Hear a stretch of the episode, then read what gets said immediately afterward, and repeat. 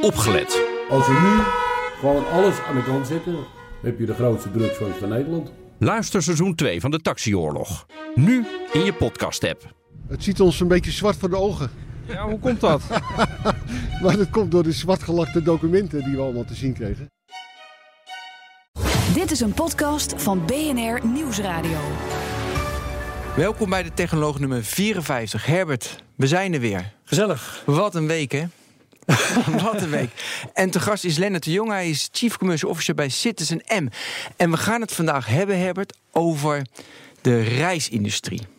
En ik heb een speciale reden. Ja, dat is een mooi moment. Waarom eigenlijk? Nou, voor de vakantie, eh, eh, ja, kerstvakantie. Er komt een vakantie. Ja, er komt een vakantie Mensen aan. als, eh, Ja. eh, even voor de mensen die dit misschien al een half jaar pas horen. Hè? Oh ja, het, het is eh, op kort voor kerst. Precies.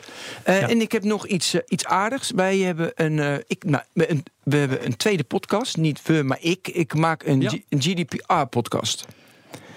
Over de, wacht even kijken, General Data Protection, Protection Regulation. Ja, en dat is een Anders gezegd de Algemene Verordening Gegevensbescherming, AVG. Precies, eh, die gaat 25 mei in. Eh, dat heeft heel veel consequenties. Maar ook, denk ik, voor Citizen M. Wat doe je met data? Weet je? Eh, Microsoft die maakt dat eh, mogelijk. Ehm, En het is een, een, een, korte serie. het is een serie van eh, tussen 20 en 25 minuten. Mooie gasten. Weet Hoeveel je afleveringen? Eh, tien maken we er. Tien stuks. En ja, de inhoud, echt. Ik heb de eerste gehad, jongen. Ook over bijvoorbeeld over de blockchain. Even, moet ik even eh, dat de blockchain is helemaal. Want dan zeggen ze nou de privacy, dan moet je je data in de blockchain zetten. Zat er een hoogleraar privacybescherming die zegt ja, blockchain. Privacy helemaal niet, want het moet, al die nodes moet het controleren. Dus die zegt, je moet je data niet in de blockchain zetten. Je moet juist apart encrypten. Nou, dat soort interessant, hè? Interessant. Ik Want eh, daarin kan, wil daar gelijk van alles over zeggen. Maar ja, inderdaad, maar dat moet je niet doen. Wanneer, wanneer komt dat voor het eerst online? Ehm, 18 december eerst online. Dan zetten we in één keer drie online. Qua podcast is dat interessant. En dan gaan we vanaf januari iedere maandag. En je moet Kunnen, natuurlijk. kunnen mensen gaan binge luisteren? dan kunnen ze, ja, precies. Een serie, en dan hebben ze, daarna kunnen ze ook die hele serie. Maar je kan natuurlijk ook van de technoloog. Inmiddels 54 afleveringen Gewoon achter één elkaar. stuk. Dus 54 Nou, uur. Dus, ik had- eh, ja, en daarna- gewoon in twee dagen ben je er doorheen, joh. Nou, dat is heel makkelijk. Ja, en daarna stoppen we over het algemene. maar er was dus, ik kreeg na de zomervakantie kreeg ik mensen die hadden dus ze hadden 26 afleveringen zo, hadden dus 26 afleveringen in hun vakantie geluisterd. No kidding. Ja, ik denk, ik zou dat nooit doen. Maar Nee. goed. Deze zou ik wel. Nou, Lennart, welkom. Sorry dat we even eh, zeg maar, eh, algemene andere dingen doen. Waarom, ik wil je eerst uitleggen als het mag. Eh, nee, ik wil ik, eerst gewoon. Een, nou, ik wil het wel uitleggen. Ik wil uitleggen waarom ik dit heel graag wilde maken. Waarom? Ik vind namelijk de reisindustrie, en ik heb het in deze podcast vaak verteld, vind ik echt een voorbeeld van de. Een, er zit een mooi voorbeeld van de, digita- van de kern van de digitalisering in. En ik heb deze kern vaak verteld, maar mensen die het nog niet hebben gehoord, ga ik het toch herhalen. Eh, traditioneel, je hebt een hotel, weet je, Citizen M, is er, eh, dat is een gebouw. En dan, eh, dan kom ik in dat gebouw, dan ga ik slapen. En ik vertrouw dat, want het is een heel mooi gebouw. Maar Citizen M weet, in de oude wereld, niet wie ik ben. Ze hebben geen echt contact met mij. Ik ben ja, een voorbijganger. En met heel veel marketing proberen ze mij binnen te halen. Dus traditioneel. Toen kwam Airbnb, die hebben geen eigen gebouwen, geen eigen gebouw, dus dat is flexibel. Ze hebben wel trust. En dat wordt ondermijnd, wil ik het graag over hebben. Want nu door allemaal regulation.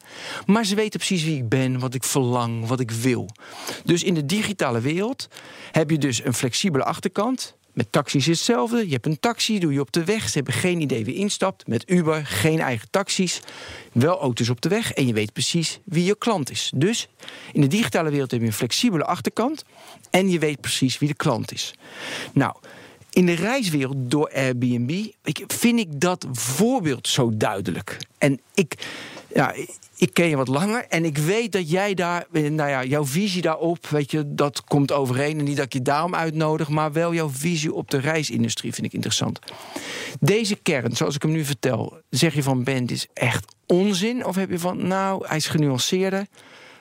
Wat vind je daarvan? Nou, allereerst dankjewel, eh, Ben, uh, voor, de, voor de introductie. Ik, zal, ik beloof dat ik nu niet een uur ga praten. Ik denk dat ik dat zo zou, uh, zou kunnen over het onderwerp.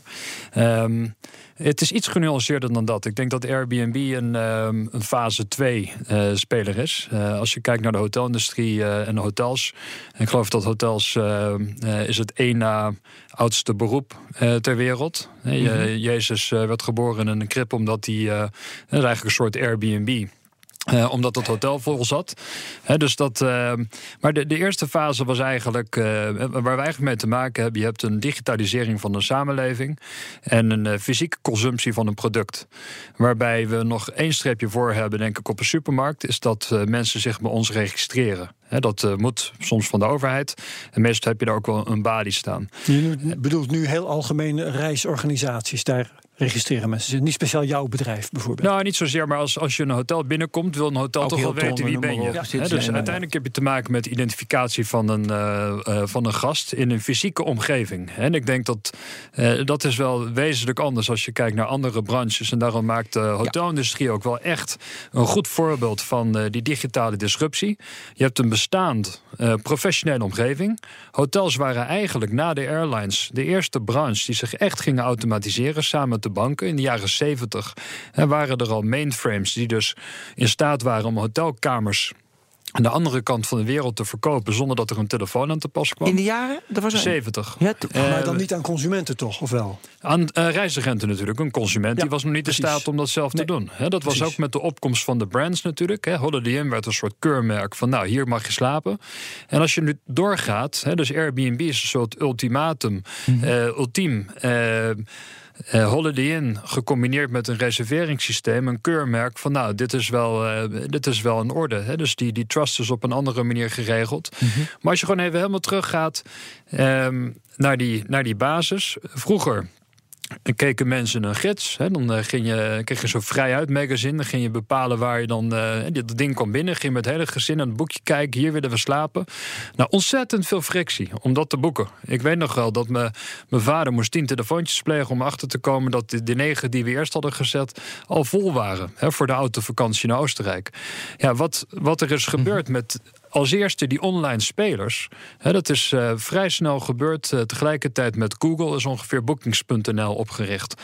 Hè, booking.com en hotels.nl en lastminute.com. Duizenden websites die kwamen omhoog. Die daartussen sprongen. Die zeiden van wacht eens even. Er zijn echt honderdduizenden hotels ter wereld. En dat werd vaak lokaal werd dat opgezet. En die kwamen eigenlijk tussen die consumenten in die hotels in te staan. In plaats van het boekje. In plaats van het boekje, in plaats van duizenden boekjes, in plaats van uh, allerlei reisorganisaties. Even tussen twee haakjes. Jouw Citizen M, uh, is, past die ook in dat rijtje? Jullie, want ik kan bij jullie ook hotelovernachtingen boeken.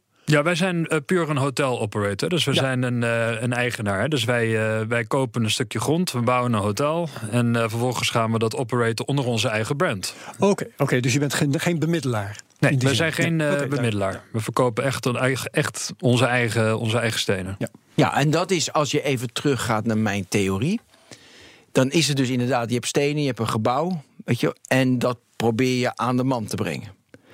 Terwijl in mijn theorie, maar jij zei al, het ligt genuanceerder. Heb je die flexibele achterkant. Maar Airbnb koopt nu zelf ook gebouwen en hotels. Dus, uh, nou, Airbnb koopt niks. En dat nou, is het verschil. Florida, toch? Airbnb moet je op dezelfde, uh, in hetzelfde boxje schuiven als Booking.com. Ja, weet ik. Maar Airbnb heeft nu toch in Florida hebben ze toch gebouwen gekocht.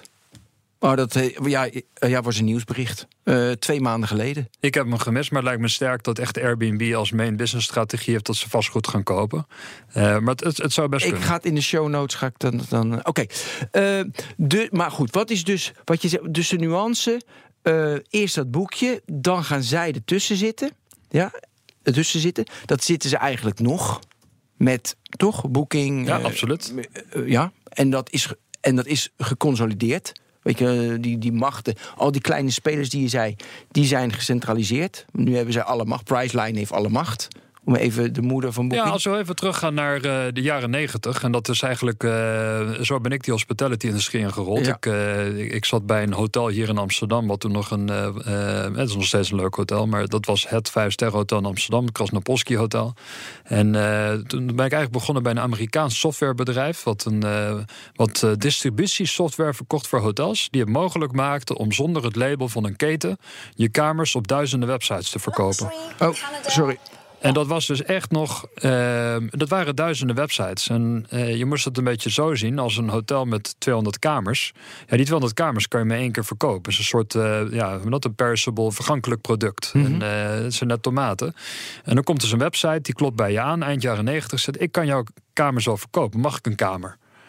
Zo is dat begonnen, dat spelletje. En dus kwamen duizenden websites bij die hotels aan. Of ja, laten we de tientallen geweest zijn. Er waren er duizenden. Maar bij Hotel A klopte tientallen websites zijn. Mag ik een kamer? Nou, wat er dan gebeurde, dan stuurde zo'n hotel vaak een fax of een mail of een belletje als de kamer verkocht was.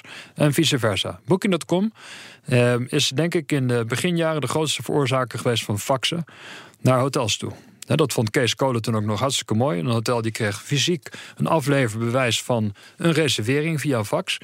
Nou, en eh, zo ben ik daarin gerold dat we verkochten toen een systeem aan die hotels... die dat mogelijk maakte om ja, die 200 kamers in één keer... en al die websites te verkopen. En in de loop van de jaren zie je eigenlijk weer dat die systemen, die zijn er nog, maar zijn veel minder belangrijk geworden, omdat die websites allemaal opgekocht zijn of gestopt zijn. Dus een soort machtsspelletje geweest ja, consolidatie tussen in, uh, Booking.com en Expedia, waarbij eigenlijk Booking.com natuurlijk gegroeid is en Expedia heeft wel heel veel uh, partijen opgekocht. Ja. Dus die zitten ertussen. En nu uh, afgelopen jaren, en daar is uh, Booking.com net zoveel mee bezig als Airbnb, zie je eigenlijk dat er nieuwe supply wordt toegevoegd dus Airbnb is geen concurrent van Citizen Nee, uh, Airbnb is een concurrent van Booking.com. Ja. De buurman uh, op, de, op de gracht. Maar hotels, hotels klagen toch dat ze beconcurreerd worden door Airbnb? Dan nou, jullie dat ja, dat, dat, dat moet je genuanceerder zien. Dus Airbnb, ja, dat is de verschijning. Maar hotels die klagen niet over Airbnb. Hotels klagen over huiseigenaren die hun huis verhuren. Want dan is er extra supply. Dat is de supply. Dat, daar zit Airbnb achter. Dat is toch. Uh, Stimuleren dat? Nou, absoluut. Ja, dat is een businessmodel. Ja. Maar om, dus de, om, om wel even de dingen de juiste, om op de juiste levels te zetten. Dus het aanbieden van supply. Ja, ik kan besluiten ergens op de gracht een pand te kopen en daar een hotel van te maken. Dan moet ik een vergunning voor aanvragen. En dan gaat een welstandscommissie er naar kijken. En dan krijg je allerlei uh, ja, eh, toeters en bellen om zo'n hotel te mogen openen. Uh, jij kan ook gewoon als huiseigenaar zeggen: ik zet mijn uh, huis op booking.com. Ja. Oh, ja, ja, ja. Of op Airbnb. Ja. Overigens is het waar wat Ben net zei. Ik heb een bericht van 13 oktober. Airbnb opent zijn eigen branded apartment in Florida volgend jaar. In 2018 moeten ze dat uh, blijkbaar voor, gaan openen. Voor, voor, voor 300 miljoen dollar hebben ze dat gekocht. De, en dat is, vind ik dus een logisch verhaal. Zoals Netflix flexibele achterkant precies weten wat de klant wil. Terwijl een netwerk uh, gewoon content heeft en dat pushen ze naar de mensen toe. Netflix, nu met de Netflix Originals, gaan ze zelf gaan ze, ze maar, verticaal integreren, zodat ze de hele keten hebben. Dus voor Airbnb vind ik het logisch dat ze nu eerst een flexibele achterkant. Nu denken ze van, hey, ben ik afhankelijk van huiseigenaren, van regulering enzovoorts ze hebben nu zoveel marktwaarde. Denken ze, nou, dan koop ik ook zo een resort. Ja, maar het is wel, toch wel ontzettend interessant dat dit gebeurt. ik bedoel, ik heb het helemaal gemist in de, in de weerwar oh, van, uh, van berichten. Maar als je ziet dat die grote ketens, hè, iedereen die kijkt altijd naar een Marriott of een Hilton of een Accor, hè, dat zijn toch wel de, de, de ketens die we kennen, die hebben al hun vastgoed verkocht. In de afgelopen jaren. Ja, natuurlijk. En Airbnb die rent erin. Ja. Dat is grappig. Ja, maar dat komt denk. En waarom hebben ze het dan verkocht? Nou, dat is een onderdeel van een groeistrategie. Hè? Dus een, uh, als ja, het is puur financieel dus, hè? ja, het is financieel. Om een, uh, om een groei te financieren uh, hebben ze dus dat vastgoed verkocht. Ze hebben gezegd, wij gaan, als je kijkt naar een Marriott of een Hilton... eigenlijk wat, wat die gasten nog zijn, is een distributiekanaal voor hoteleigenaren. En dat is een beetje, als je, als je in die hotelindustrie zit... dan weet je dat heel erg, weet je dat heel erg goed. Je hebt een driehoek. De eigenaar van het vastgoed. Dan heb je degene die het managt. En dan heb je een merk erop zitten. En wat je dus eigenlijk ziet, is dat die ketens zich telkens minder zijn gaan richten op het eigen, in eigendom hebben van vastgoed. Eigenlijk is Four Seasons mhm. nog een echte real estate player. die heeft zijn eigen vastgoed, zijn eigen merk en zijn eigen management. De ketens doen ook nogal management. Maar wat ze het liefste doen, is gewoon een merkje erop plakken. Ja, en wat is dan het verschil met een uh, Booking.com of een, uh, een Airbnb? Maar dus dat gaat steeds meer op elkaar lijken eigenlijk, dat is wat je zegt. Ja, dus uh, vroeger mhm. verticale relaties worden in één keer horizontaal.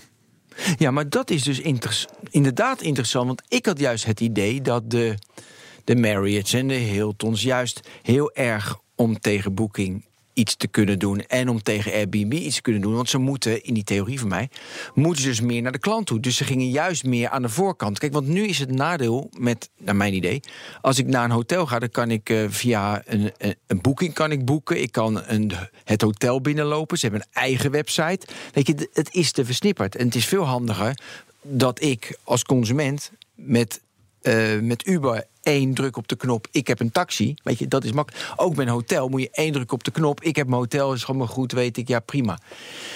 Je ziet juist, dat dacht ik, maar dat, dat die Marriott's en die Hiltons naar de voorkant gaan. Dat ze precies wel weten wat ik als klant wil. En, dat klopt ook, dat doen ze, toch? Ja. En aan de achterkant gaan ze dus ook flexibel. Ja, dus inderdaad, ze zijn e- exact hetzelfde. Nou, precies wat je zegt. Hè. Ze, ze, ze willen juist uh, het, het bestaansrecht van een, uh, van een Holiday Inn... waar dat is begonnen als een uh, Amerikaans keurmerk. Hè, dat een Amerikaan die op reis is, of langs... eigenlijk begon het in Amerika en later ook naar buiten toe... dat een Amerikaan gewoon iets herkenbaars had. en dat is dat ze graag naar McDonald's gaan als ze in een vreemde stad komen. Omdat ze weten wat het is. Um, ja, dat, dat is eigenlijk nu verworden tot een uh, distributiekanaal uh, voor, uh, voor hoteleigenaren. Waarbij zij dus de, de klant ja, zoveel mogelijk proberen te bewaken. Mm Dat is het gevecht wat, wat die grote ketens eigenlijk leveren. op dit moment natuurlijk met die online travel agencies. Maar zit het ook echt zo in elkaar dat bijvoorbeeld Hilton in Amsterdam. daar zit dus een uh, zeg maar Doubletree. Daar zit een eigenaar in. Dat andere Hilton Hotel zit een andere eigenaar in. En vastgoed is ook weer van iemand anders. Dus dat is die driehoek. Ja. Jeetje. Absoluut. Ja, dus dat, dat Doubletree in Amsterdam is, uh, is van een andere eigenaar. Als, uh, volgens mij is het net overgenomen. Uh, is het net overgekocht, een transactie afgelopen maanden. Maar dat vastgoed wordt verkocht en maar die, dat Hilton blijft erop staan. Het is zelfs zo, ik, ik heb dat een keer meegemaakt. Dat is denk ik het beste voorbeeld wat ik je kan geven. ik kwam vaak in München. In München Airport heb je een, dacht ik, een Kempinski zitten op de airport, de loopafstand. Net als dat je op Schiphol heb je een paar hotels op, uh, op loopafstand. Mhm. Dat weet iedereen. En dat, uh, datzelfde met die Kempinski in München. En uh, we zaten daar en we waren er een paar weken daarvoor nog geweest. En ik zat er samen met een collega. En we zaten in één keer te kijken. Ze wacht eens even. Er is iets veranderd hier. Maar we konden niet zien wat. Dus op een gegeven moment vroegen we aan een, uh, aan een waiter, zelfs de, dus die, uh, die, die ober, die herkenden we nog van het vorige bezoek. Zeg, wat is hier veranderd? Ze we zijn Hilton geworden. Zo, jullie zijn Hilton geworden. En dat is uh, ja, zonder slag of stoot gaan. Toen zagen we inderdaad, ja, een Hilton-logo. Wat heb je nou daadwerkelijk hiervan van gezien? Zeg ja, de, mijn payslip. En daar staat nu uh, Hilton op. Maar er zaten zelfs nog uh, Kempinski badhanddoeken en uh, Kempinski badjassen. Maar en... kon je dan achteraf ook zien wat nou de verandering was... die je had, wel had gevoeld, maar niet had gezien? Ja, het was dat Hilton-logo, wat je natuurlijk herkent. Dat was dat het enige? Ja. Ook voor jou? Maar dat is dus hoe dat werkt. Je hebt het vastgoed, je hebt het management erop zitten. Dus als die mensen kunnen gewoon blijven, het merk verandert... en dat is misschien een beetje flauw, want waarschijnlijk heeft Hilton allerlei plannen... om het een aantal Hilton-elementen te introduceren. Maar blijkbaar kan je dus een stuk vast vastgoed van brand laten switchen zonder dat een, uh, een klant daar nou direct uh, ja, een zicht op heeft als hij in een restaurant zit. Ja, maar ik wil heel graag weten, denk je dat de trend is dat dat die driehoek blijft? Of dat het weer de trend is zoals Airbnb? Is maar één, zeg maar één resort gekocht in Florida, is maar 300 miljoen, dus dat is niks. Dat, dat het weer vaste assets worden. Wat denk jij? Nou, ik denk dat uh, de, de een voorspelling die ik wel durf te wagen is dat de, de kracht van die ketens telkens uh, af begint te nemen. Als jij dus niet in staat bent om een gedifferentieerde ervaring neer te leggen. Ja. Ehm, dan, uh, dan ga je heel veel last hebben van Airbnb en van echte experience operators. Een gedifferentieerde ervaring, dat is dat je elk, in elk segment de klanten kunt bedienen. Van uh, nou, gedifferentieerd is dat je gewoon uit het maaiveld steekt. dus ik denk uh-huh. dat, ehm, en dat is eigenlijk ook de reden waarom we ooit met Citizen M zijn begonnen. dat is een klacht van mensen die vaak reisden, is dat ze soms wakker werden in een hotel dat ze niet wisten waar ze waren. Dat het leek op het hotel waar ze gisteren hetzelfde. in een andere stad waren. Het is allemaal hetzelfde. En dat is natuurlijk wel bij Airbnb. Dat staat in hun values, a differentiated experience. Uh, dat, is wat je, dat is de reden dat mensen voor Airbnb kiezen. En dat was ook de reden dat ik in eerste instantie Airbnb helemaal verkeerd inschatte voor onszelf. Ik had zoiets van ja, daar hebben de eerste die grote ketens last van, voordat wij er last van hebben. Terwijl juist die mensen die bij Citizen M slapen, ook het type persoon is wat graag in Airbnb slaapt. Ja, Dus dat. Uh, maar hoe kan het nu? Want zeg maar, uh, dus die customer insight, die had Hilton en die had. Uh, is dat omdat ze de log te groot, andere belangen, dat ze dat niet konden doen? Een gedifferentieerd aanbod, weet je dat het allemaal eenheidsworst is? Uh, is dat het? Of omdat jullie nieuw waren, lukte het wel van de grond op opbouwen? Nou, kijk, wij zijn wat dat betreft, we hebben nu twaalf hotels open. We hebben er flink wat in de pijplijn zitten. Dus we zijn, wij groeien langzaam. Maar wij zijn een. Uh, wij zijn dus eigenaar van het, van het vastgoed, waardoor we in complete controle zijn over, over die customer experience. Dus, uh, toen Apple die Apple Watch lanceerde, ik weet niet of jullie dat nog konden herinneren, toen stond er iemand van van Starwood naast uh, een Apple-man op het podium. Die ging laten zien hoe je de kamerdeur kon openen met een Apple Watch. Weet ik niet meer. nou, ik heb wel gekeken, maar ik weet het niet meer. Dat was een van de eerste use cases dat je bij Starwood zou je, je uh, met een horloge je kamerdeur kunnen openen. Nou, dan moet je even nagaan. Starwood die had dan uh, ergens tussen de 1000 en de 2000 hotels. Laat het 1400 hotels zijn. Maar als je daar geen eigenaar van bent, hoe ga je dit dan introduceren? Dan moet je dus vragen aan die eigenaar, beste eigenaar. Uh, Kansloos. Wilt, u alle deursloten alsjeblieft vervangen, zodat ze online staan, zodat we met onze nieuwe app uh, die deuren kunnen openen? Dus om die differentiated experience aan te kunnen leveren, moet je wel heel erg in controle zijn over wat er, wat er gebeurt. dus als je kijkt naar een Amazon die Whole Foods koopt, ja, die is in één keer in controle over zo'n complete winkel. Als je dat niet hebt, ben je niet in controle. Ja, maar dat is precies wat ik. ik het is precies die theorie. Dus als je flexibele achterkant heb je geen controle. Want die consument aan de voorkant, die allemaal wensen heeft waar je aan moet voldoen dan moet, dan moet je dat dus verticaal integreren. Maar er zijn genoeg slimmigheidjes. Als je gewoon even goed kijkt naar Uber. En Uber is wel uh, een taxichauffeur, denk ik, kan je nog wel een andere categorie zetten dan een hotel-eigenaar. Uh, Want taxichauffeurs zijn individuen die een auto rijden. Ja. Maar Uber is in staat om die achterkant ook te regelen. Dus als ze een upgrade hebben met nieuwe functionaliteit, kunnen ze dat meteen uitrollen naar een achterkant. Ja, maar dat komt omdat ja, het is een één, één persoon die aan de achterkant zit, die uh, een update geeft van de app en die kan weer aan de slag. Ja, en het zijn geen stenen. Dus jij, als jij je kamer, iedereen, uh, weet je, met je Apple Watch allemaal deur open maar dat gaat dus ook voor de groei belemmeren van een, uh, uh, van een Booking.com bijvoorbeeld. Hè, waar ze echt wel tegenaan uh, lopen, is dat ze dus nu... en dat is, dat is een huzarenstukje dat ze geleverd hebben. Laat me dat vooropstellen. Van ja. Bookings.nl, een paar eh, honderd hotels hier in Amsterdam... Mhm. naar Booking.com met over een miljoen accommodaties. Ze hebben dus over een miljoen contracten gesloten. Uh, mogelijkheden gecreëerd om van een bankaccount af te schrijven automatisch. Ze krijgen de prijzen, de beschikbaarheid en ze kunnen een reservering afleveren bij dus over een miljoen accommodaties. Maar stel je nu voor dat Booking.com zegt: wij willen die deuren gaan openmaken van die, van die kamers. En dat, dat is nog in de huidige technologische omgeving vrij lastig. He, nou, ze, kunnen dat zeker wel, uh, uh, wel regelen voor appartementen met één eigenaar. Dan zeggen ze gewoon: hier heb je een deurslot. Als je dat inkoopt, dan kan je deze functionaliteit unlocken. Maar bij hotels, dat zijn de lastigste om te, te cracken. Want die hebben vaak nog allemaal ja, coax-bekabeling en oude deursloten, fysieke sleutels. Infrastructuur, ja.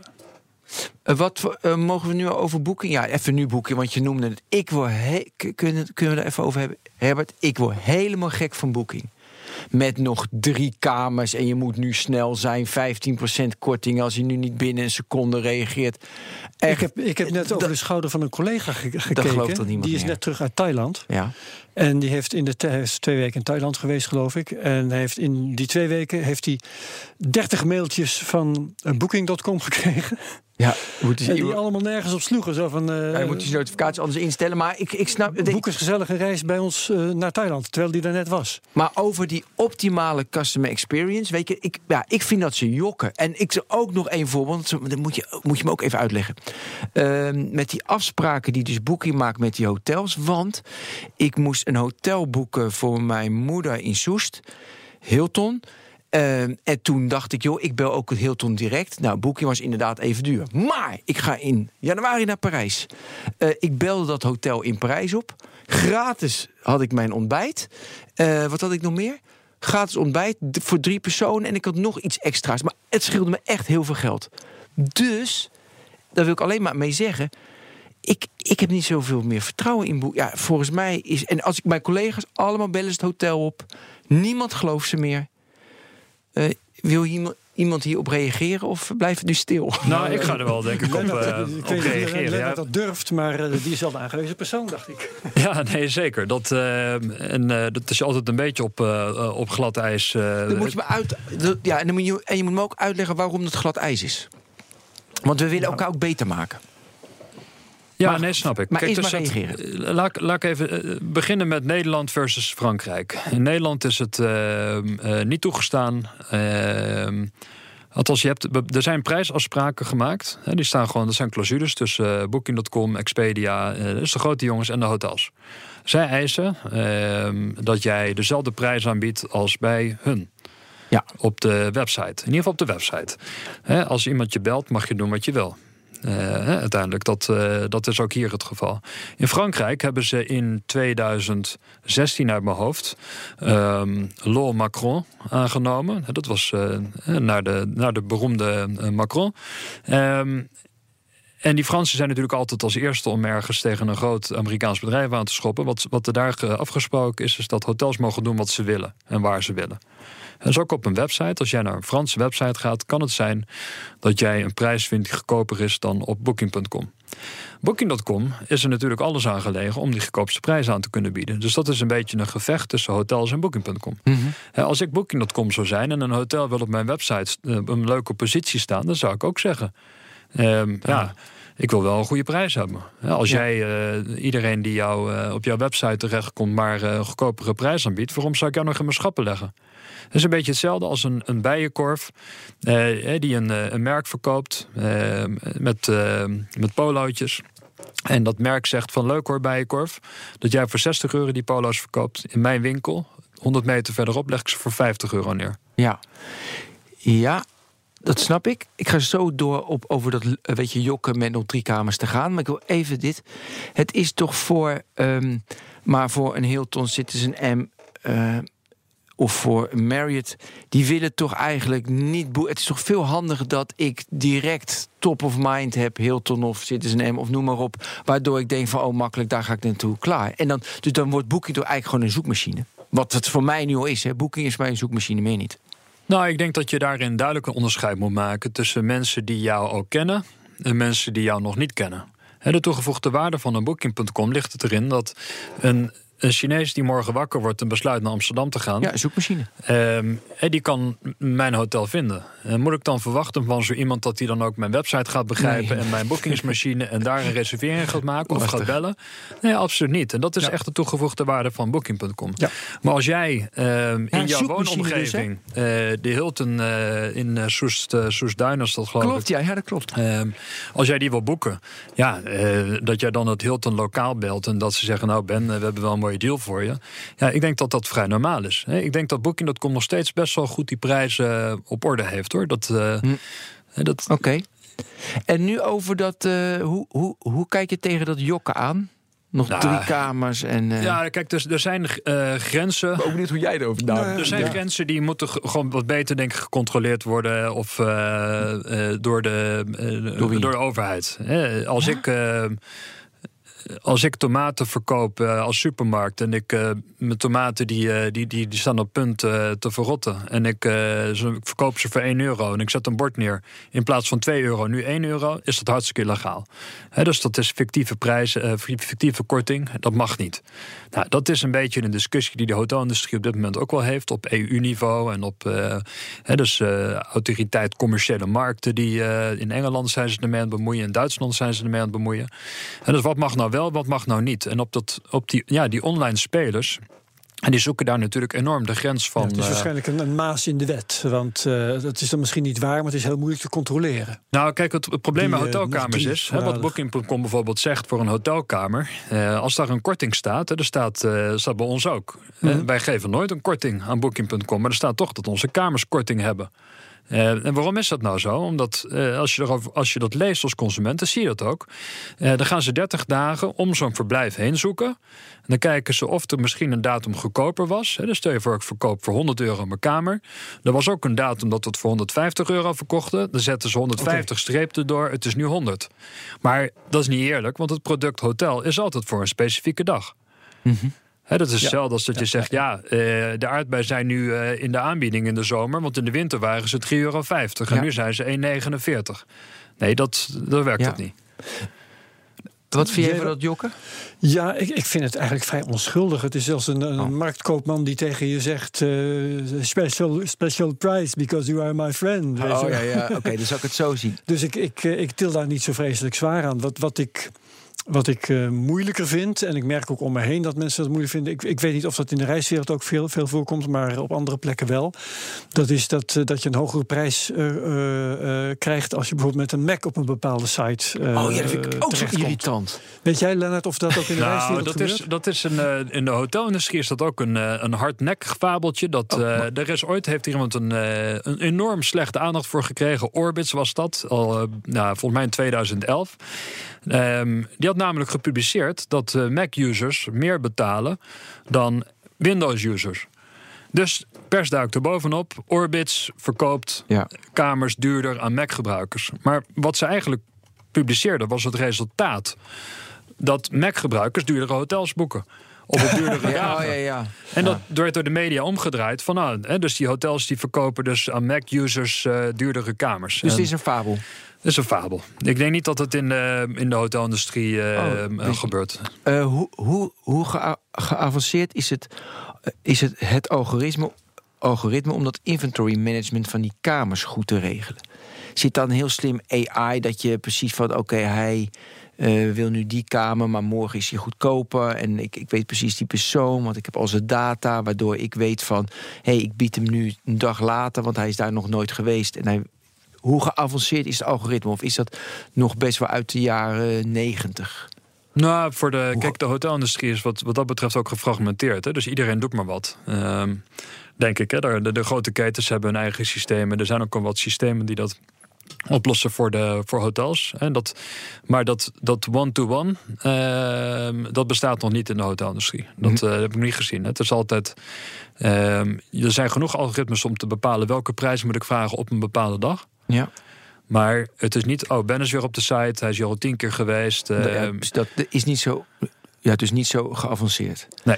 Um, zijn het standaard softwarepakketten of is het allemaal custom-made voor alle hotels? Maken ze nou, ze hebben wel standaard softwarepakketten om die algemene prijsbepaling te doen. Het zijn vrij dure, vrij dure pakketten. Um, en ik denk pas als je die consolidatie hebt van data, mhm. dat er dus, uh, zijn we zelf bij betrokken geweest bij een, een start-up om dat te doen. Want elk hotel heeft zijn eigen data. Als je, als je een hotel opbelt, die zegt gebruik jullie een Excel sheet om je die business in op te slaan. iedereen doet dat. Alle mhm. hotels zitten nog in Excel. Nou, dat hadden wij dus ook toen wij begonnen. En er was toen geen systeem voor. Dus toen zijn we dat maar begonnen. we hebben eigenlijk wat experts erbij gehaald. En die, uh, dat Zelf software gaan ontwikkelen. Nou, Citizen Nemmers dat niet gaan doen. Dat is niet onze business. Maar we hebben wel die mensen bij elkaar gezet. Uh, en we zijn er heel goed nabij uh, betrokken geweest. Om dat te ontwikkelen om eigenlijk die data, als hotels allemaal die data aanleveren, dan kan je op een gegeven moment gewoon een universiteit of een, een bedrijf je erop loslaten. Die zegt: Ik heb nu een algoritme wat je voor 3,95 in de App Store kan kopen. En dat was ook ja, waar wij tegenaan liepen. We waren met de VU in contact. En uh, we vroegen, joh, jullie zijn allemaal met die airlines bezig. En allemaal business analytics uh, uh, studenten.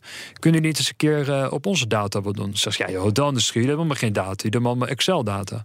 Ik zeg, als ik jullie nou een batch en reserveringsdata kan opleveren... Mm -hmm. kunnen jullie daar wat mee? Willen jullie dan kijken? Zeg, nou, als jij een batch van reserveringsdata ja. oplevert... dan gaan we, zetten we vier studenten hierop. Nou, binnen vier weken hadden die vier studenten, 21-jarige jongens, hadden gewoon de prijs, de uh, algoritmes. Uh, ontwikkeld uh, voor een hotel van onze Londen. En beweerden ze dat als wij dat maar zouden volgen, dat we 16% meer geld zouden verdienen. En dan moest het goedkoop op bepaalde dagen of duurder. Dat bedoel je met prijs? Ja, dat, dat, is, dat is wat er uiteindelijk bepaald ja. wordt. Hè. Dus uh, een hotel. een hotel die maakt prijsbeslissingen, maar hotels doen het helemaal niet logisch. He, zij zitten gewoon een beetje op Booking.com te kijken, vaak. Zo, zo gaat dat. Ja. En zeker die kleinere jongens. Dus, ja. oh, wacht eens even, mijn buurman die is met 20 euro naar beneden gegaan. Laat ik met 30 euro naar beneden gaan. He, dus het is. Gewoon, gewoon uh, zeg maar, dus uh, doen ze met ogen. Een mens doet dat. Doet een mens doet dat, ja. Diezelfde persoon vaak die ook nog tot ontbijt net. Uh... En die speelruimte hebben ze wel. Ik bedoel, dat leidt niet meteen tot verliesgevende prijzen. Nou, dat is de merken vraag. ze later wel. Nou ja. Dat zien ze vaak later wel, inderdaad. Jeetje, dus dat, uh, dus zowel grote hotels als kleine hotels. Uh, ik, ik, heb vrienden die zijn uh, optiehandelaar. Ja. ja, die trekken naar uit ja, hun precies, hoofd. Die, die denken, wat gek. is dit nou? Ja, je kan dit toch gewoon wat software op loslaten... die bekijkt wat er daadwerkelijk gebeurt. Ja. Ja, en dat airlines, is, weet je, inventory in een airline gebeurt al veel beter. Ja. Maar dat is dus ook mijn grootste uh, angst hè, voor die, die disruption die er plaatsvindt. En dat zie je natuurlijk ook bij Uber. Hè. En, uh, ik zat een keer bij een Uber-chauffeur in Londen in de, taxi. En, dat, uh, en die vertelde, ik vroeg hem, ik zeg, joh, ik ben een hotelier. En volgens mij is onze wereld een beetje hetzelfde. hij zegt, ja, ik rij al 30 jaar cabby. Ik was hier voor cabby driver, zo'n zo black, black cab. Ik zeg, wat is er nou veranderd voor jou? Hij zegt, nou, het feit dat ik heb net iemand afgezet en ik zit nu met jou in de taxi. Uh, dat is fantastisch met Uber. He, dus ik heb een stuk meer ritten. Ik zeg, maar krijg ik een stuk minder voor. Mm -hmm. He, dus ik zeg, maar wat is dan het eindresultaat voor jou? Ze nou dat ik ongeveer 20% meer moet werken om 5% minder te verdienen. Oké, okay. nou dat klinkt bekend. Ik denk mm -hmm. dat dat ook het effect is wat, hè, wat die disruptive players op zo'n hotelindustrie hebben. Ze creëren één grote pool. Race naar de bodem. Met, uh, uh, met, met hotels. Ja, hotels bij kamers. Daar laten ze de maand op los. Die de maand, daar zijn ze zelf een beetje over in controle. Wat komt er? Wie gaat er naar Amsterdam? Ze kunnen zeggen, nou, Parijs is erg duur, Amsterdam is goedkoper. Ze kunnen ze ook nog een beetje sturen. En uh, vervolgens laten ze de hotels zelf de prijs zetten. He, dus niks fout, hè? Er gaat hier helemaal niks fout. Nee, die is gewoon, maar het is gewoon marktwerking. Ja, maar, ja. En de transparantie in de markt, uh, verhoogde transparantie in de markt zorgt ervoor dat die bodem, ja. zeker in slechte tijden, wat lager ligt. Ja, en met die grote spelers bedoel je dus Airbnb, Booking, Priceline, dus dat soort bedrijven. Die zijn dat dus. En het gevolg, ja, dat is toch altijd dat het uiteindelijk dat de consolidatie komt. Want dan vallen, want dan vallen partijen om. En niches die heel erg goed zijn, niet specifiek. Die, dus die blijven bestaan. Dan komt de consolidatie. Nou, en mensen moeten toch... beter hun best doen. Dus je ziet dat, ja, dat, dat het er allemaal beter uit gaat zien. Dat er meer betere ervaring wordt afgeleverd. Dus nee, absoluut. Dat gaat ja. zich uh, wel settelen. Ja. Maar als jij dus beter in staat bent, en dat is dus de truc om er, uh, ja, om er goed uit te springen. Dan heb je er ietsjes minder last van. Ja, laten we het hebben over. Heb het, of heb je iets anders waar je het nu. Nou, ik, ik zit nog even te kijken naar die, die prijsvariabiliteit. Uh, oh. um, want ik vind Orbit vind ik ook onmiddellijk terug als ik op dit soort dingen ga googlen. Hè. Maar uh, ik, ben, ik heb nog niet alles kunnen lezen. Maar als ik ga zoeken naar uh, wat er bijvoorbeeld bij Amazon gebeurt op dat gebied, dan, uh, dan kom ik wel weer dingen tegen die ik herken. Hè, dat als je als klant op verschillende momenten van de dag komt, dat je dan andere prijzen kunt krijgen. En nou kom ik weer bij dingen die ik ooit heb uh, horen verluiden. Dat het uitmaakt uh, uh, als ze wat van je weten. Wat, in, wat voor postcodegebied je zit. Of wat voor opleiding je hebt. En mijn vraag was dus eigenlijk dat soort factoren. meervoud. Niet alleen maar het orbits-effect, maar ook andere dingen. Of die in de reiswereld ook voorkomen. Dat er gewoon rekening gehouden wordt met wat je weet over de klant en zijn achtergrond. Nou, ik denk eh, dat wij dat gaan gebruiken in onze experience, absoluut. Mm dus als wij uh, weten dat, uh, dat je bij ons bent geweest en van een kamer houdt die 20 graden is, ja, waarom zouden we dan niet die kamer voor dat vernieuwde hotelverblijf weer op 20 graden zetten? Ja. Dus dat is ja, dingen die mensen die lang aarzelen, dat die een lagere prijs krijgen. Bijvoorbeeld. Er zijn zoveel dingen waar rekening mee gehouden kan worden. Kijk, ik denk dat wat je net, net zei, dat, dat slaat op autoverzekeringen, mm, dat slaat op überhaupt verzekerd worden. daar is dat heel erg belangrijk. Maar voor een hotel. Uh, het is een slimmigheidje. Ik zou als marketeer absoluut zeggen: ja, het zou geweldig zijn. Als ik erachter kom dat jij price insensitive bent. en ik kan de prijs met 50 euro omhoog knallen. en jij krijgt dat nooit te zien. Ja, dat zou misschien uh, hartstikke slim zijn. Ja. Maar voor een lange termijn relatie met, je, met je klant, daar geloof ik niet in. Precies. dat, dat kan niet verkopen. Nee. Op basis van dat soort dingen. Als ik nou zeg, luister, je krijgt een tientje korting, omdat je altijd bij me komt. En omdat ja, dat blijkbaar belangrijk voor je is, dan vind ik iets anders. Dan kunnen we het afspreken, maar dan zou ik altijd heel transparant in willen zijn. Ja, ja, ja, ja. Ik geloof er niet in, want op het moment dat je je cookies ververst en je ziet dan, oh, ik word hier belazerd. Ja, dan word je helemaal gek. En mensen komen, weet je, dan komen die berichten komen online. Ja, het is transparante wereld. Daarom. Dat oh, en je ziet ook wel die trend natuurlijk, hè, met die browsers. Ehm, ik ben even die naam vergeten van die browser die helemaal gefixt is op. Uh, Brave. Oh. Ja, je hebt toch een paar volgens mij. Maar die is helemaal ik... gefixt op dat je niet uh, getrackt wordt. Ja, dat ik gebruik niet... Brave nu echt fantastisch. Ja, ja. want dat, dat is gewoon een reactie daarop. Ja. ja. Um, okay. uh, kan ik naar de customer experience? Hoe, hoe, hoe heb je in de afgelopen jaren de eisen van de klant, hoe, wat daarin veranderd is? En wat die, bijvoorbeeld wat ik mooi vind van jullie hotel, weet je, je komt binnen, tablet, weet je, in je, kamertemperatuur, daar zijn jullie mee begonnen en of dat werkt of niet, wat eist de klant nu anders dan zeg maar tien jaar geleden? Wat voor verandering zie jij daarin? Een hele goede vraag. En dat is meestal, uh, als je dat zegt, een teken dat je er even over na wil denken. Um, ja, ik denk dat die die klant die, ja, je, het is net als jezelf. Je zit op je telefoon, eh, alles werkt frictieloos. Ik denk dat de klant ongeduldig is. Frictie is een, is een kernterm, hè? Ja, frictie is gewoon echt iets wat, wat je telkens meer opgelost ziet worden. En hoe meer je het ergens opgelost ziet worden, hoe meer je dat ook verlangt van, uh, van wie er ook voor je staat. En ik merk dat zelf. Ik ben zo'n hele ongeduldige consument. Uh, ik denk dat mensen niet meer accepteren dat je op booking.com jouw gegevens invult en dan bij een hotelbalie aankomt en dan vragen ze op een stukje papier weer wat dingen in te vullen. En dat snap je niet. Uh, en dat, dat gaat telkens verder. Ik was uh, van de week heb ik voor het eerst IDIN gebruikt. Hoe? IDIN. Dat is e ideal, maar dan ter identificatie van jezelf. Dus je, je eh, gebruikt gewoon spellen, je identifier. Mensen, het is leuk. I-D-E-N. I-D-I-N. I-D-I-N. Waarbij je dus de bank toestemming geeft om iemand anders te laten weten dat jij jij bent. Nou, dat vond ik heel interessant. Nou, ik verwacht nu bij mijn volgende bezoek aan de gemeente Haarlemmermeer, waar ik woon, dat ze niet meer een oh, ambtenaar mijn, uh, mijn handtekening fysiek gaan laten controleren, maar dat ze even mij vragen om mijn bankpas en mijn identifier, een kleurcode te scannen, zodat ze kunnen zien wie ik ben. Ja, en de volgende keer dat je bij een hotel komt, dat ze vragen: meneer, mag ik even een kopietje van uw paspoort maken en wilt u deze gegevens even invullen? Ja, dan zal die klant ook zijn wenkbrauwen laten fronsen. Dus ik denk dat we dat soort dingen, ja, uh, daar hebben de hotels in het algemeen meer, uh, krijgen ze meer last van. Mensen houden niet meer van in de rij staan. Mensen houden er niet van om een hele slechte wifi te krijgen. En dan uh, als ze 15 euro extra betalen, wel goede wifi uh, krijgen. Dus daar, ja, de klant wordt veel eisender. En dat, uh, ja, dat is uiteindelijk alleen maar, maar goed. Hè, waardoor mensen meer op hun tenen moeten lopen. En wij gaan daar zeker stappen in zetten. Wij bij Citizen M zijn wij in 2005 zijn we daarmee begonnen. Ik ben er zelf in 2006 bijgekomen. Dus ik heb die hele journey mee mogen maken. Ja, we hebben Citizen M bedacht toen de iPhone nog niet was. Ja. Highs was er nog. Uh, Facebook was er nog niet. In ieder geval niet in Nederland. En het is nu 2017. En we kochten nog dvd's hè, toen de mhm. tijd. En ja, ja die, die consument is zo veranderd dat je ehm, ja, wel heel erg hard moet werken om bij te blijven. Ja, maar jullie proberen daarin wel, wel veel. Weet je, je hebt de, wat je wil, dat doen. Dus bijblijven heb je ook dat je al verder was, dat je uiteindelijk dat de consument er nog niet aan toe was, merkte je? Of hoe test je dat dan? Hoe ga je daarmee om als je denkt van dit is innovatief, dit moet ik introduceren, maar dan wil de klant het nog niet? Ofwel heb je pilothotels. Hoe gaat dat in zijn werk?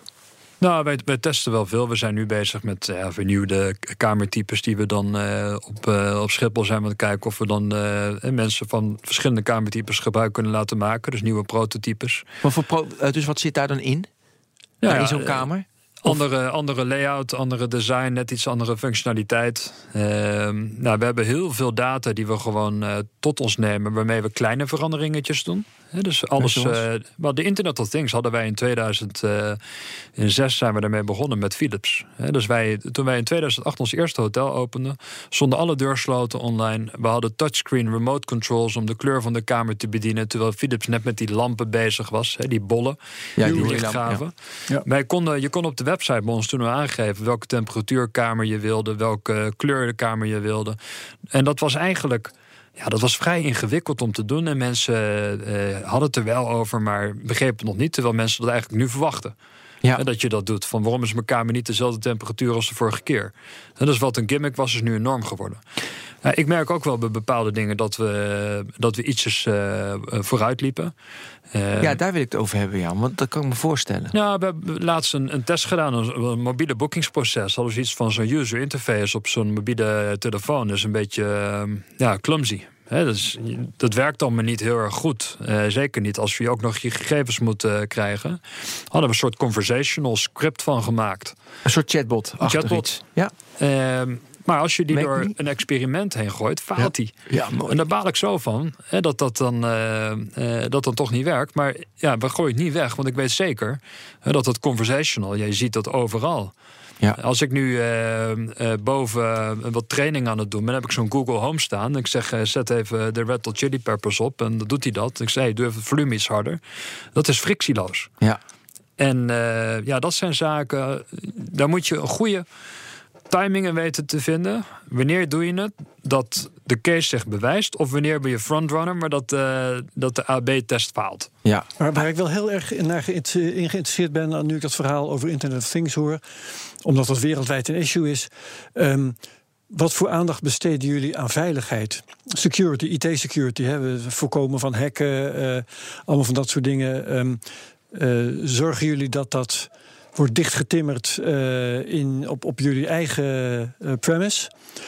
Of um, zijn jullie heel zorgvuldig in het aankopen van de, de onderdelen, dat die veilig zijn vanaf de fabriek? Kun je daar nou, iets over zeggen? Ja, ik denk allebei. Ja? Uh, dus we hebben, ja, eh, we hebben echt wat dat betreft state of the art. En ik ben geen, uh, wat dat betreft, expert. Maar ik weet wel wat voor testen er worden gedaan elk jaar. om door die, uh, die audits heen te komen ook. En we hebben gewoon eigen ja, penetration tests en, op ons netwerk. En ja. Um, ook op onze website en het simuleren van een uh, DDoS-aanval. Dus dingen die ons schade kunnen berokkenen, maar ook dingen die de gastschade kunnen berokkenen. He, dus ik kan niet al te veel details geven over hoe we ons netwerk inrichten, omdat nee. dat niet, uh, niet wenselijk is en ook omdat ik dat niet, uh, niet kan. Maar daar hebben we ontzettend veel aandacht aan, aan besteed. En als we iets zien dat we denken, hey, dat, dat gaat niet helemaal goed, ja, dan gaan, gaan we daar met alle, ehm, ja, met alle aandacht in om ervoor te zorgen dat we nou weten wat het was. Mm -hmm dus het is natuurlijk uh, mensen die openen overal maar een uh, computer en geven maar een creditcardgegevens overal af. Uh, of je nou in een Starbucks zit of in een, in een hotelomgeving. Maar we weten wel dat al onze eigen apparaten staan op een eigen netwerk en hebben eigen ja. security protocollen. En ja, dat, daar moet je voor zorgen, anders kan je dat, anders kan je dat niet doen. Ja, ja want nou goed, één keer iets misgaan en je hebt een groot probleem natuurlijk tegenover je klanten.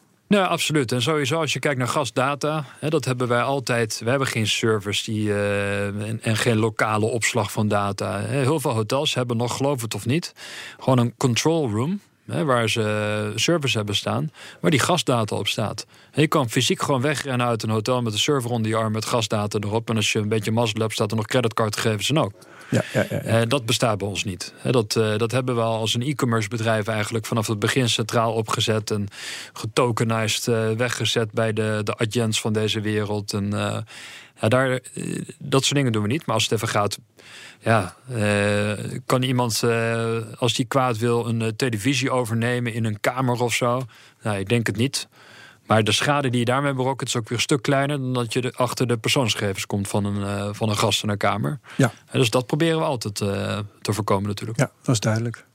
We hadden het net over differentiëren. In het begin over voor alles, zeg maar, type klanten. Wat je ook ziet bij Airbnb bijvoorbeeld. Dat ze ook trips gaan aanbieden. Weet je, dat ze veel meer aanbieden dan alleen maar die kamer die ze, die ze vuren. Hoe kijk jij daarnaar? Is dat noodzaak? Of alleen maar kamers vuren? Hoe, hoe groot word je? Nou, ik denk dat je niet je eigen rol moet overschatten uh, in het proces. En dat merk ik te vaak, dat iedereen vindt dat iedereen maar alles moet doen. He, dus een airline, die doet ook in één keer uh, experiences. En hoe je met de taxi er naartoe moet. En een integratie met. En denk ik, ja, schoenmaker hou je bij je leest. Dat Airbnb dat doet, snap ik. En dat een Booking.com uh, dat doet, snap ik. Dat Citizen iets doet, snap ik ook. Hè. Dus het, het vinden van iets, dat is wel iets wat, wat bij ons hoort. Hè. We zijn een merk. Wij zijn er voor mobile citizens. Uh, mensen die veel reizen. Ja, die hebben ook behoefte aan advies als ze naar Amsterdam te komen. hey, voor mensen zoals mij, wat, wat zou je nou aanraden? Nou, daar spenderen we best wel veel geld aan. En tijd in om dat voor ze uit te vinden. Dus als iemand bij ons in Amsterdam komt, zullen niet zeggen: Nou, dan moet je naar Madame Tussauds op uh, Dam en dan moet je bij Lovers zo'n uh, rondvaart doen. Ja. He, dat zijn standaard toeristische dingen. He, dan zul je juist wat meer uh, je advies toespitsen op, jou, op jouw doelgroep. Maar is het dan. Hoe doe je dat nu? Dus hoe doe je dat dat Herbert een ander advies krijgt dan Ben? En we slapen beide vanavond in Citizen M in Amsterdam, bijvoorbeeld. Nou, kijk, het gaat. Eh, op dit moment is dat persoonlijk. We zijn bezig oh, met het digitaliseren. Ja, uh, maar daarnaast hebben wij ook onze eigen city guides die we geprint hebben. Ze staan online. En dus je kan het zelf samenstellen, downloaden. Van nou, dit wordt Herbert's City Guide, dit wordt Ben's City Guide. Daar ben je zelf helemaal in controle over. En hoe krijgen we die? Gewoon via de site. Of als jij ja. Eh, bij ons boekt, krijg je een paar dagen van tevoren een uh, e-mailtje met wat informatie over je verblijf. En daar staat ook uh, download nu een uh, city guide. Hè, dus een linkje daarnaar. Hè, dus dat is onderdeel van die customer journey. Is dat we je informeren van hey, als je wat meer wil weten over waar je naartoe gaat en wat dingen wil samenstellen, dan kan dat. Ja. Ja, en dat gaat natuurlijk op een gegeven moment, wordt dat telkens ja, persoonlijker. Digitale ik kwam in de documentatie die ik door zat te, te lezen ook nog de term predictive analysis tegen. Um, kun je uitleggen wat dat is en waar dat een rol bij speelt? Nou, ik weet wat het is. Hè, dus dat je uh, kan voorspellen wat iemand gaat doen. Uh, ik denk dat we daar nog wel een stukje vandaan zijn. Als je kijkt naar de hotelindustrie. Misschien dat een Booking.com en een Expedia daar wel goed mee zijn. Ik denk dat als jij op de website komt, dat ze eigenlijk... en dat is een beetje de frustratie die je eerder deelde... over die collega die in Thailand was geweest... die allemaal mailtjes nu over Thailand krijgt.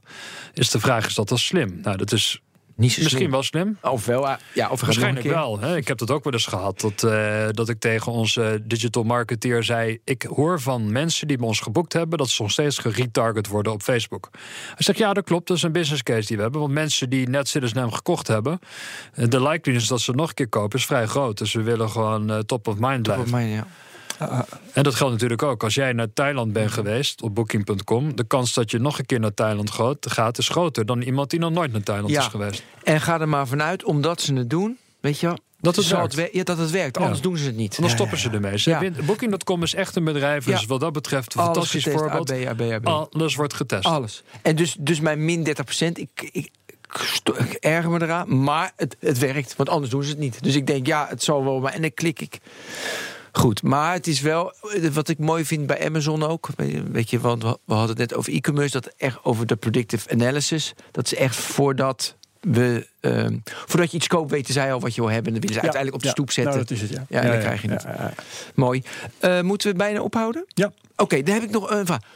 Even je wens. Hoe, hoe, zie jij, hoe zie jij het voor je? Hoe de reisindustrie ideaal geformeerd wordt? Ik vind ik vind dat we in de overgang hebben het de hele tijd over gehad. Over fixed assets. Voorkant precies wat je doet. Wel fixed assets niet. De customer, uh, en de customer experience beter, beter en beter. Wat voor beeld? Kun je je beeld schetsen hoe het zou moeten?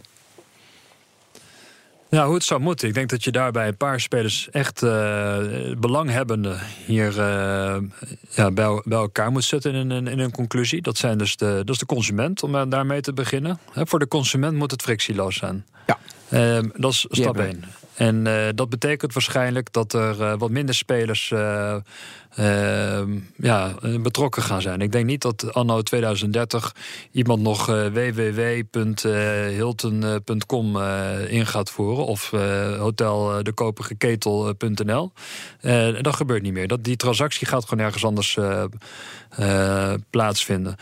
Maar om dat te laten gebeuren, En denk ik ook wel dat er een bepaalde eh, fairness moet uh, blijven tussen die platformen en uh, uiteindelijk de kleine, de midden- en kleinbedrijven en de, degene die het aanbieden. En die, die wordt bedreigd volgens jou, het evenwicht? Uh, ja, Op denk het wel. wel ja. ja. ja. Ja, dat is die 5%, weet je, 20% meer ritjes maken waar, en 5% waar het vroeger was, uh, ja, als, het niet, ja, als, als je Ja. dit niet wil betalen, ga je toch ergens anders naartoe. Als er nergens anders meer is om naartoe te gaan, dan wordt automatisch de positie van een kleinere speler of van een supplier bedreigd. Ja. De positie van een taxichauffeur is echt wel bedreigd. En dat zie je dus terugkomen in onrusten. Hè, dus taxichauffeurs Ja. die gaan staken of een, een Uber-CEO die onder vuur komt te liggen. Nou, dat is ook een beetje het geval bij een, eh, eh, bij- in dat hotellandschap. Dan zie je gewoon telkens meer dat Bij ja, hotels ja. die dat zeggen. Ja, ik, kan niks anders meer, ja. dus ik zou wel moeten. En eh, wat dat betreft, eh, die commissies gaan echt niet omhoog. Maar het is telkens meer, meer van je business. Het is, hotels hadden altijd al business. Hè. Er was een, eh, een onderzoek gedaan in 2000 en in 2015 in Engeland. Een bedrijf die dat heeft onderzocht. Wat, hebben, wat verdienden hotels in 2000? Wat verdienden ze in 2015? En wat betaalden ze om die reserveringen binnen te krijgen? Hè, de voor Londen hotels, die waren 37% in omzet gestegen tussen 2000 en 2015. Nou, dat is een beetje inflatie als je het terugrekent. Maar de kosten waren met 900% gestegen.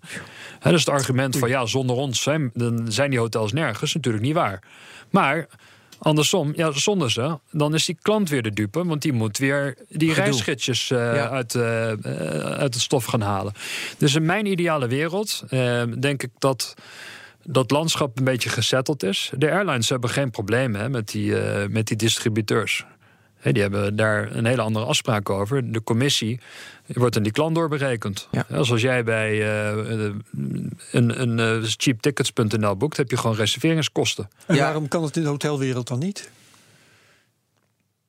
Ehm, ja, meer spelers, meer, meer fragmentatie. Hè, Kijk, wat- hoe die airlines dat voor elkaar hebben gekregen... eh, begin 2001, volgens mij 2002... waren ze in één keer waren ze klaar met commissie betalen.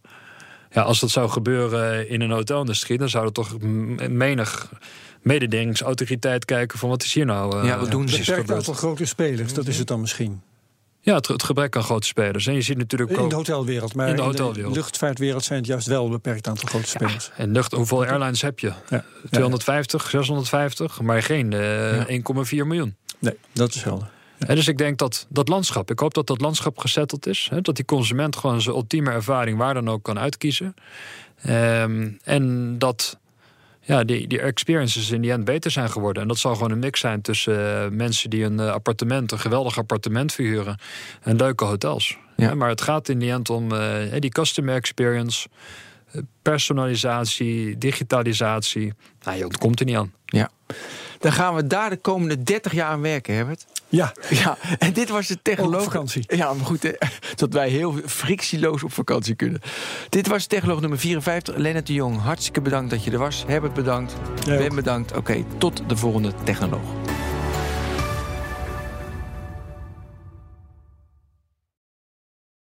Ook Hugo Reitsma vind je in de BNR-app. Superhandig die BNR-app. Je kunt alle programma's live luisteren, breaking nieuwsmeldingen. Je blijft op de hoogte van het laatste zakelijke nieuws. En je vindt er alle BNR-podcasts, waaronder natuurlijk de belangrijkste, Boeken zijn in de wijk. Download nu de gratis BNR-app en blijf scherp.